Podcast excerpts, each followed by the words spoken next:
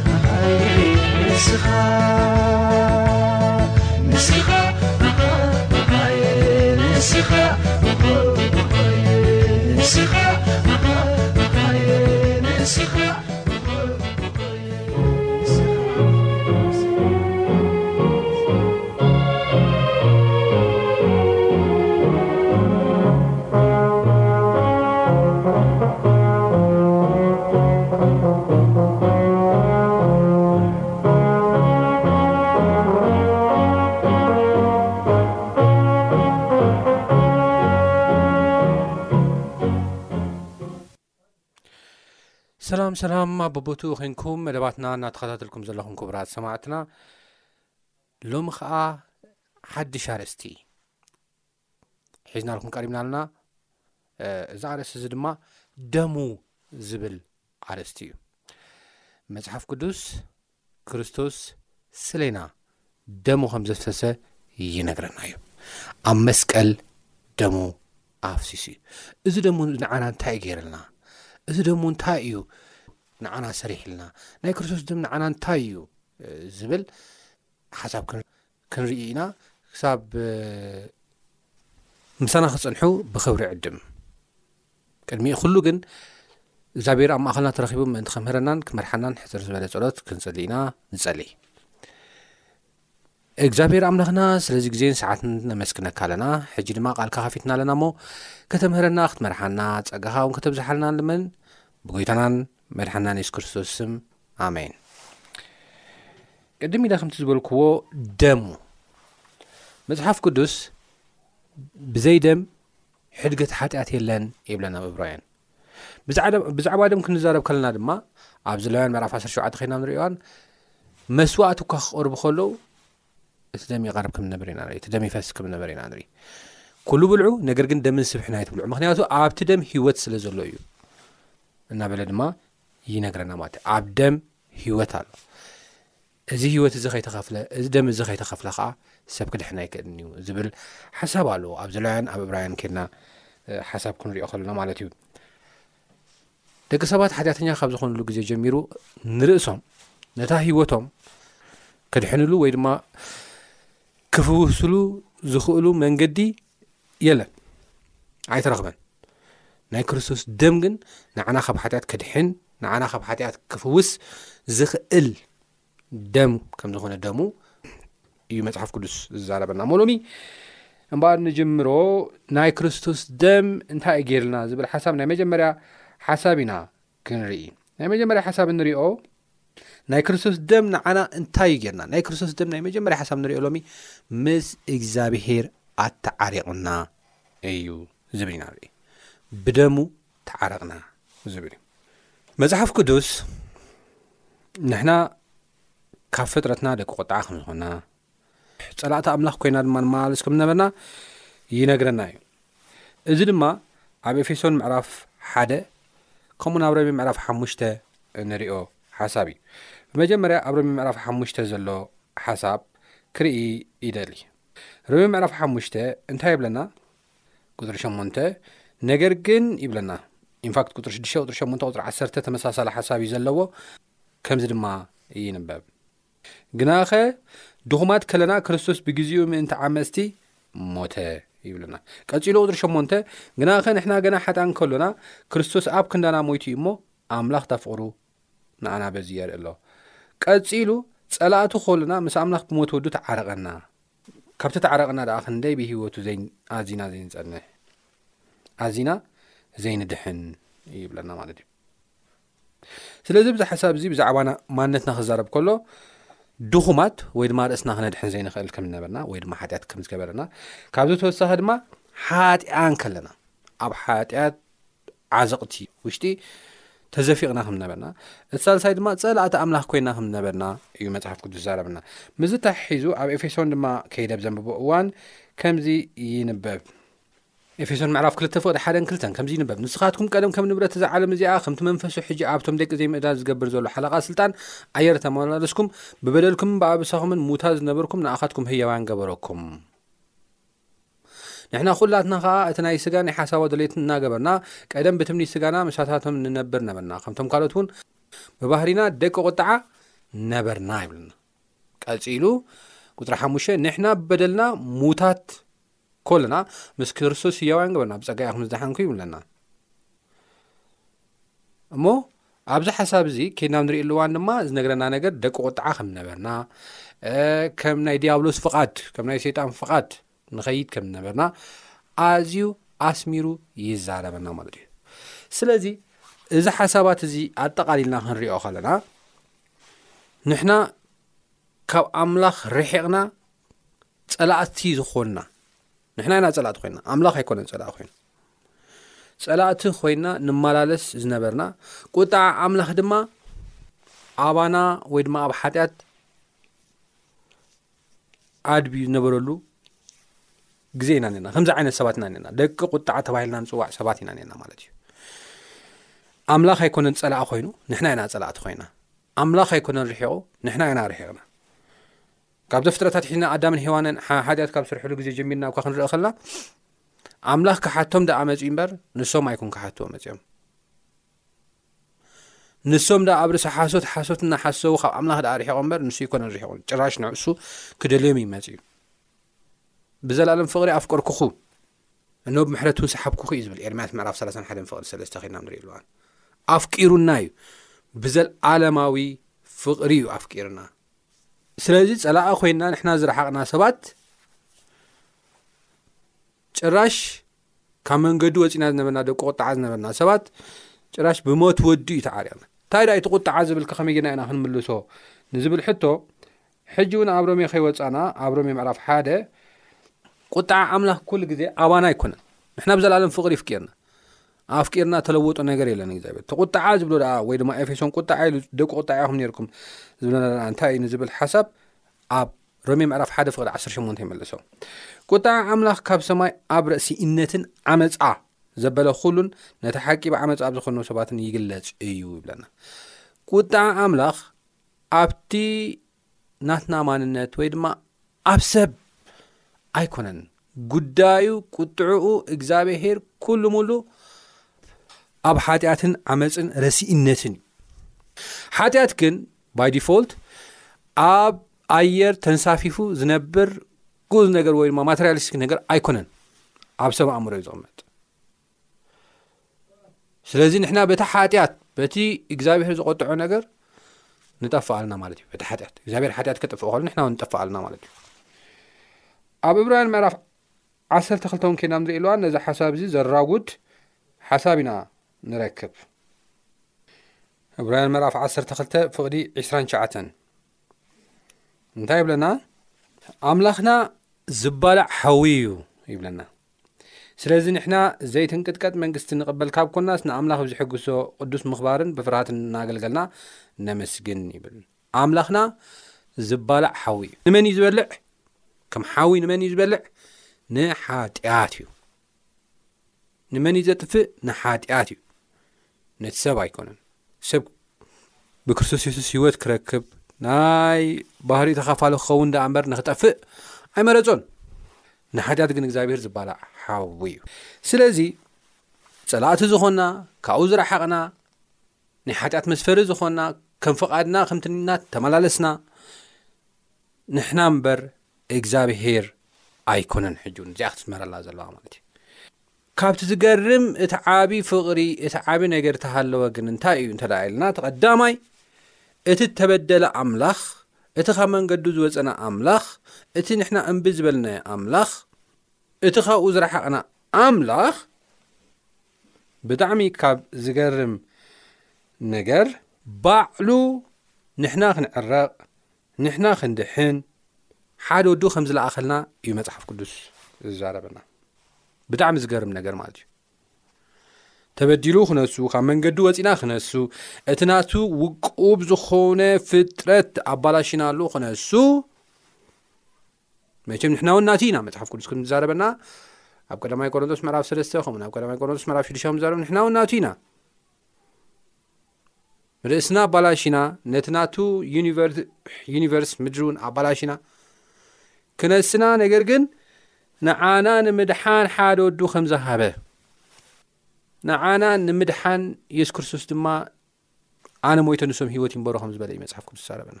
ካብ ዝገርም የሱስ ክርስቶስ ኣብ መስቀል ኮይኑ ካብ ዝተዛረቦም ዘረባታት ሓደ ኣምላኸይ ህይወተይ ኣባኻ ኣማዕቁባ ኣለኹ ኢሉ ከም ዝሞተ ኢና ንርኢ። ህይወተይ ኣባኻ የማዕቁባ ኣለኹ ማለት እንታይ ማለት እዩ? እዛ ህይወት እዚኣ ካብ ማንም ዘይተለቅሓ ዘልኣለማዊ ህይወት እያ። ዘልኣለማዊ ህይወት እያ እዛ ህይወት እዚኣ። ስለዚ ኣባኻ ማዕቁባ ኣለኹ ህይወተይ ክብል ከሎ የሱስ ክርስቶስ እዛ ህይወት እዚኣ ኣብኣ ኣማዕቂቡ እታ ናይ ዘልኣለም ህይወት ንደቁ ስሊኦም ኢሉ ንዝተንከራተተሎም ደቁ ንኽትከውን ህይወተይ ኣባኻ ኣማዕቁባ ኣለኹ ኢሉ ከም ዝሞተ ኢና ንሪኦ ብጣዕሚ ዝገርም ማለት እዩ ዓብ ፍቕሪ እዩ እንብሎ ነዚ እዩ ዓብይ ፍቕሪ እዩ እንብሎ ነዚ እዩ ብጣዕሚ ዝገርም ዓብ ፍቕሪ እዩ ስለዚ የሱስ ክርስቶስ ኣብ መስቀል ኮይኑ ከምዚ ኢሉ ክሳቐይ ከሎ ደሙ ከፍስስ ከሎ ብደሙ ንሕና ርሒቕና ዝነበርና ደቂ ቁጣዓ ዝነበርና ሞት ዝግባኣና ናይ ዘለኣለም ሞት ናይ ዘለኣለም ጥፋት ዝግባኣና ብደሙ እቲ ናይ መጀመርያ ዝገበሮ ነገር ተሃለወ ዕርቂ እዩ ዕርቂ እዩ ዕዳና ከፊሉ ንክንዕረቕ ሓደ ዕድል ከም ዝሃበና እዩ ዝነግረና ማለት እዩ ኣብ ተን ዘንበብክወን ጥቕስታት ክምለሰኒ ግን መጀመርያ ከንብባ ዝደሊ ኣብ ካልኣይ ቆሮንጦስ ምዕራፍ ሓሙሽተ ዘሎ እዩ ካልኣይ ቆሮንጦስ ምዕራፍ ሓሙሽተ ፍቅዲ ዓሰርተ ሸሞንተ ከምዚ ይንበብ ኢንፋክት ልዕል ኢለ ካብ ቁፅሪ ዓሰርተ ሸውዓተ ከንብቦ ዝገርም እዩ ስለዚ ሓደ እኳ ብክርስቶስ እንተልዩ ንሱ ሓድሽ ፍጥረት እዩ እቲ ብሉይ ሓሊፉ እኖ ኩሉ ሓድሽ ኮይኑ እዩ ንደቂ ሰባት ሓንቲ ዕድል እዩ ሂብዎም ዝምለሱላ ዕድል ዝዕረቑላ ዕድል ኣብ ናይ መጀመርያ ካብኡ ርሒቖም እዮም ኦኬ ግን ካልእ ዕድል ተዋሂቦም ኣሎ ምስ ክዕረቑ ወይ ንኸይዕረቑ እሱ ቀደሙን ኣይተፀላእናን ቁጥዑ ካባና መሊሱ እዩ ግን ሓንቲ ዕድል ሂብዎም ምስ ኣምላኽ እንዕረቐሉ ፕሮባብሊቲ ፈጢሩ መገዲ ፈጢሩ ድሙ ከምኡ እዩ ገይሩ ድሓር ቀፂሉ እንታይ የብለና እዚ ኩሉ ካብቲ ባዕሉ ብክርስቶስ እትዓርቀና ባዕሉ እዩ ተዓሪቕና ን ኣይኮነን ፀሊእና ነይሩ ንሕና ኢና ዘለ ኣገልግሎት ዕርቂ እውን ዝሃበና ኣምላኽ እዩ ማለት ኣምላኽ ንዓለም ምስ ርእሱ ክዓርቃ ከሎ ኣብ ክርስቶስ ነበረ እሞ በደሎም ኣይሕዘሎምን ኣባና ኸ ቓል ዕርቂ ኣንበረ ይብለና ካልኣይ ቆሮንቶስ ምዕራፍ ሓሙሽተ ፎደ ዓሰርተ ሸሞንተ ኮይና ንሪእሉ እዋን ማለት እዩ ምስ ርእሱ እዩ ዓሪቑዋ ብደሙ ነዛ ዓለም እዚኣ ምስ ርእሱ እዩ ዓሪቑዋ ብዝገርም ሓሳብ ኮይና ንሪእሉ እዋን ማለት እዩ ምስ ርእሱ ዓረቓ ብጣዕሚ ዝገርም እዩ ስለዚ ብደሙ ዕርቂ ከም ዝረኸብና ኢና ንርኢ ስለዚ እዚ ናይ ዕርቂ እዚ ካብ ረኸብና እንታይ ኢና ክንገብር ዘለና ክንዕረቕ ኢና ዘለና እዚ ዕድል ተጠቒምና ናብ ኣምላኽ ኢና ክንቀረብ ዘለና መሊሽና ካብ ኣምላኽ ክንሃድም ይብልና እዚ ዕርቂ እዚ ተዋሂብዎ ከሉ ሓጢኣቱ ይቕረ ተባሂሉ ክነሱ ካብ ኣምላኽ ዝርሕቕ እንተ ደኣ ኣሎ ዘፍርሕ ፍርድን ጥፍኣትን እዩ ዝገጥሞ ማለት እዩ ምልስ ክብል እሞ ኣብ ሮሜ ምዕራፍ ሓሙሽተ ዘሎ ቅድሚ ኢለ ዘንበብክዎ ፍቕዲ ትሽዓተ ዘሎ ሓሳብ ከንብብ ይደሊ እንታይ ይብል ጸላእቲ ኮልና ምስ ኣምላኽ ብሞት ወዱ ተዓረቐና ናብ ኣቕረበና ሓጢኣት ሰሪሕና ብገዛእ ርእስና ክንከይድ ከለና ቁጣዕ ኣምላኽ ድማ ኣባና ክኸውን ከሎ ንሱ ትቁጥዑ በቃ ግዲፎ ጭራሽ በደሎም ኣይሕዘሎምን ይብለና ሮሜ ኣርባዕተ ፍቕዲ ዓሰር ሸሞንተ ወን ከይድና ንርኢ ኣለዋን በደሎም ኣይቆጽረሎምን እዩ እቲ በደሉ ዘይቆጽረሉ ሰብሲ ክንደይ ብፁዕ እዩ ይብለና መጽሓፍ ቅዱስ ኣቶም ዓመፀኦም እተሓድገሎም ይብል ሮሜ ኣርባዕተ ፍቕዲ ሸሞንተ ከዓ ሓጢኣቶም እተኸድነሎም ብፁዓን እዮም ኣምላኽ ሓጢኣቱ ዘይቆፅረሉ ሰብሲ ብፁ እዩ መን እዩ ሓጢኣቱ ዘይቆፅረሉ ሰብ መን እቲ ሰብ ሓጢኣቱ ዘይቁፀረሉ እቲ ብደሙ ዕርቂ ዝረኸበ እዩ ቅድሚ ነብቲ ዘንበብክዎ እዋን ብደሙ ብደሙ ዕርቂ ዝረኸበ እዩ እንታይ ይብል ቅድሚ ኢለ ዘንበብክዎ ጥቕሲ ደጊማ ከንብቦ ይደሊ ስለዚ ሓደ እኳ ብክርስቶስ እንተሃልዩ ንሱ ሓድሽ ፍጥረት እዩ እቲ ብሉይ ሓሊፉ ን ኩሉ ሓድሽ ኮይኑ እዩ እዚ ኩሉ ካብቲ በዕሉ ብክርስቶስ ተዓርቀና ኣገልግሎት ዕርቂ ዝሃበና ኣምላኽ እዩ ማለት ኣምላኽ ንዓለም ምስ ርእሱ ክዓርቃ ከሎ ኣብ ክርስቶስ ነበረ እሞ በደሎም ኣይሐዘሎምን እዩ ስለዚ ደሙ ክፈስስ ከሎ እግዝኣብሄር ትቑጥዕኡ ገዲፉ እቲ ሓጢኣትና ከም ዘይገበርናዮ ቆጺሩ ኣቕሪብና ኣሎ ስለዚ እዚ ሓሳብ እዚ እንተ ሃልዩ ንሕና እንታይ ክንገብር ኣለና ናብ ኣምላኽ ክንቀርብ ኣለና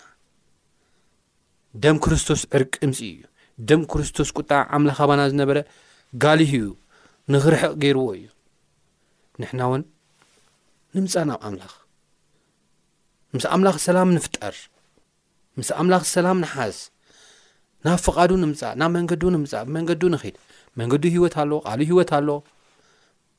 ምስ እግዚኣብሄር ምዃን ሂወት ኣሎ እሞ ናብ መንገዱ ክንመፅእ እዚ ዕርቂ እዚ ክንቅበሎ ይግባኣና እዩ እዚ ጥራሕ ግን ኣይገበረን ትደሙ ዓሪቕና ጥራሕ ግን ኣይኮነን ቀጺሉ ብዙሕ ነገር እዩ ገይርልና ቀጺሉ ዘሎ ከዓ ብደሙ ጸዲቕና ኢና ይብለና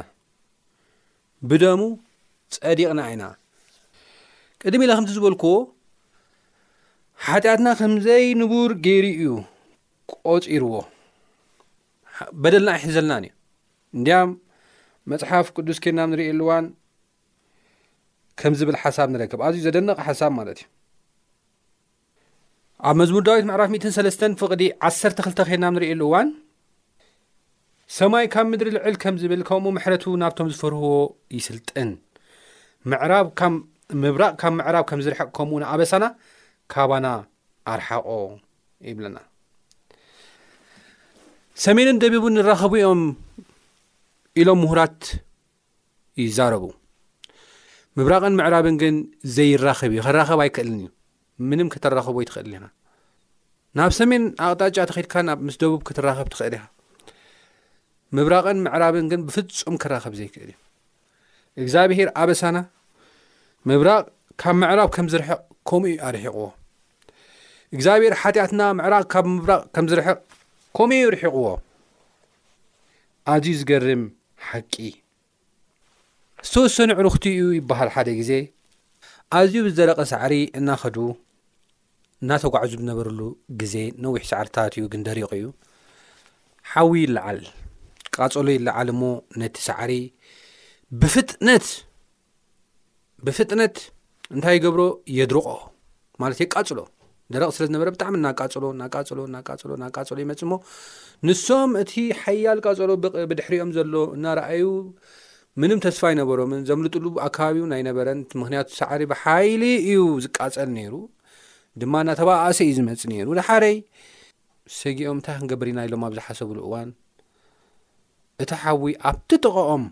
ምስ በጽሐ ነዚ ኩሉ ሳዕሪ ኣቃጺሉ ኣብቲ ጥቐኦም ምስ በጽሐ ብዝደንቕ መንገዲ ይጠፍእ ብጣዕሚ ብምግራም ሓደ ነገር ከም ተገንዘቡ ኢና ንርኢ እዞም ሰባት እዚኦም ወይ ድማ እግዚኣብሄር ንዓና ዝገበሮስ ከመይ እዩ ለካ ንሱ ተቓጺሉ ከምዚ ገይሩ ንሱ ጠፍኡ እዩ ለካ ንዓና ህይወት ሂብና ዝብል ርድኢት ኣብ ኣእምሮም እውን ከም ዝሓዙ ኢና ንርኢ ሓቆም እዮም ክርስቶስ ስለና ከም ዝደረቕ ሳዕሪ ጠፍኡ ንዓና ከም ዝድሓነና ከም ዘትረፈና ከም እያድ ከም ዘትረፈና መፅሓፍ ቅዱስ ይዛረብ እዩ ኢሳያስ ምዕራፍ ሓ ሰለስተን ብዛዕባ እዚ ሓሳብ እዚ ፅቡቅ ገይሩ ይገልፅ እዩ እንታይ ይብል ኢሳያስ ምዕራፍ 53 ነዚ ምስክርና መን ኣመኖ ቅልፅም እግዚኣብሄር ንመን ተጋህደ ኣብ ቅድሚኡ ከም ጨንፈር ከምቲ ብንቑፅ ምድሪ ዝወፅእ ሱርን ጨብጨበ መልክዕን ውቃበን ኣይነበሮን ምስ ረኣናዮ ዘብህግ ትርኢት ኣይነበሮን ንዑቕን ብሰብ ድርቡይን እዩ በዓል ስቓይ ብሕማም ልዱይ ከምቲ ኣብ ቅድሚ ገጾም ዝጉልብብሉ ሰብ እተዋረደ እዩ ንሕና ገለ እኳ ኣይቋጸርናዮን ብሓቂ ንሱ ንሕማም ናጸሮ ንስቓይና ኸኣ ኣብ ነፍሱ ጸዓኖ። ንሕና ግን ከም እተወቕዐን ብእግዚኣብሄር ከም እተቐስፈን ከም እተዋረደን ጌርና ኣቋጸርናዮ። ንሱ ብሰሪ ገበንና ቈሰለ፣ ብሰሪ ኣበሳና ድማ ተኸትከተ። ንሕና ሰላም ምእንቲ ኽንረክብ መቕጻዕቲ ናብኡ ወረደ። ንሕና ብስምብራቱ ኢና ዝሓወይና። ኵላትና ኸም ኣበጊዕ ተዋረድና፣ ነፍሲ ወከፍ ነናብ መንገዱ ዘምበለ። እግዚኣብሄር ከኣ ኣበሳ ዅላትና ናብኡ ኣውደቖ። መከራ ጸገበ፣ ርእሱ ኣዋረደ፣ ኣፉ ኣይከፈተን። ከምቲ ናብ ማሕረዲ ዝኽብከብ ገንሸል፣ ከምቲ ኣብ ቅድሚኡ መቐዘታ ስቕ እትብል በጊዕ ኣፉ ኣይከፈተን። ካብ ጥቕዓትን ፍርድን ተወስደ፣ ካብ ምድሪ ህያውያን ከም እተቖርጸ ካብቶም ወለድኡ መን ሓሰቦ? ብምኽንያት ገበን ህዝበይ ተቐዝፈ፣ እከይ ዘይገበረ ሓሶት ከኣ ኣብ ኣፉ ዘይተረኽበ ክነሱስ፣ መቓብሩ ምስ ረሲኣን ገበሩ፣ ብሞቱ ግና ምስ ሃብታም ኮነ። እግዚኣብሄር ግን ብመከራ ኺሕምሾ ፈተወ፣ ነፍሱ ንመስዋእቲ ሓጢኣት ምስ ወፈያ፣ ዘርኢ ኺርኢ መዓልትታት ኬንውሕ እዩ፣ ፍቓድ እግዚኣብሄር ከኣ ኣብ ኢዱ ኪሰልጥ እዩ። ጻማ ነፍሱ ኺርኢ ኪጸግብ እውን እዩ፣ እቲ ጻድቕ ባርያ ብፍልጠት ንብዙሓት ኬጽድቕ፣ ኣበሶም ድማ ባዕሉ ኺጸወር እዩ። ነፍሱ ንሞት ስለ ዝወፈየ፣ ምስ በደለኛታት ከኣ ስለ ተቖጽረ፣ ስለዚ ግዲኡ ምስ ዓበይቲ ኪመቕሎ እዩ። ምርኮ ምስ ሓያላት ኪምቀል እዩ፣ ግናኸ ሓጢኣት ብዙሓት ጾረ፣ ምእንቲ በደለኛታት ድማ። ለመነ ይብለና። ስለዚ ደሙ ሓጢኣትናን በደልናን ከም ዘወገደ ደሙ ካብቲ ዝመጻና ዝነበረ ጥፍኣት ከም ዝባልሃናን ከም ዝተበጀወናን እዩ ዝነግረና እሞ እዚ ነገር እዚ ርኢና ንሕና ድማ ናብ ኣምላኽ ክንዕረቕ ናብ ኣምላኽ መጺና ክንዕረቕ ምስ ኣምላኽ ሓደ ክንከውን ይግብኣና እዚ ድማ ኣምላኽ ዝኸብረሉ ንሕና እውን ንድሕነሉ መንገዲ ክሳብ ዝኾነ እዚ ውሳኔ እዚ ክንውሰን ይግብኣና እዩ ከምቲ ቅድሚ ኢለ ዝበልክዎ ሓንቲ ዕድል እያ ተዋሂባ ክልተ ሰለስተ ዕድል ኣይተዋህበን ሎሚ እንተ ደኣ ንስሓ እዚኣትዩ እዛ ዕድል ተዋሂባቶ ዘላ ተጠቂሙ እንተ ንስሓ ዚኣትዩ ትምመ ዝበኣሰ ፍርዲ ዝበኣሰ ቅፅዓት ከም ፅበየ መፅሓፍ ቅዱስ ይዛረበና እዩ ናይ የሱስ ክርስቶስ ክቡር ህይወት እዩ ሓጢኣት ዘይብሉ ክፍኣት ተንከወል ዘይብሉ እዩ ስለና ተኸፊሉ እሞ እዚ ዝተኸፍለ ደም ንሕና ውን ተረዲእና እዚ ምድሓን ክንቅበሎ ይግባኣና እዩ እግዚኣብሔር ሓደ እኳ ክጠፍእ ኣይደለን እዩ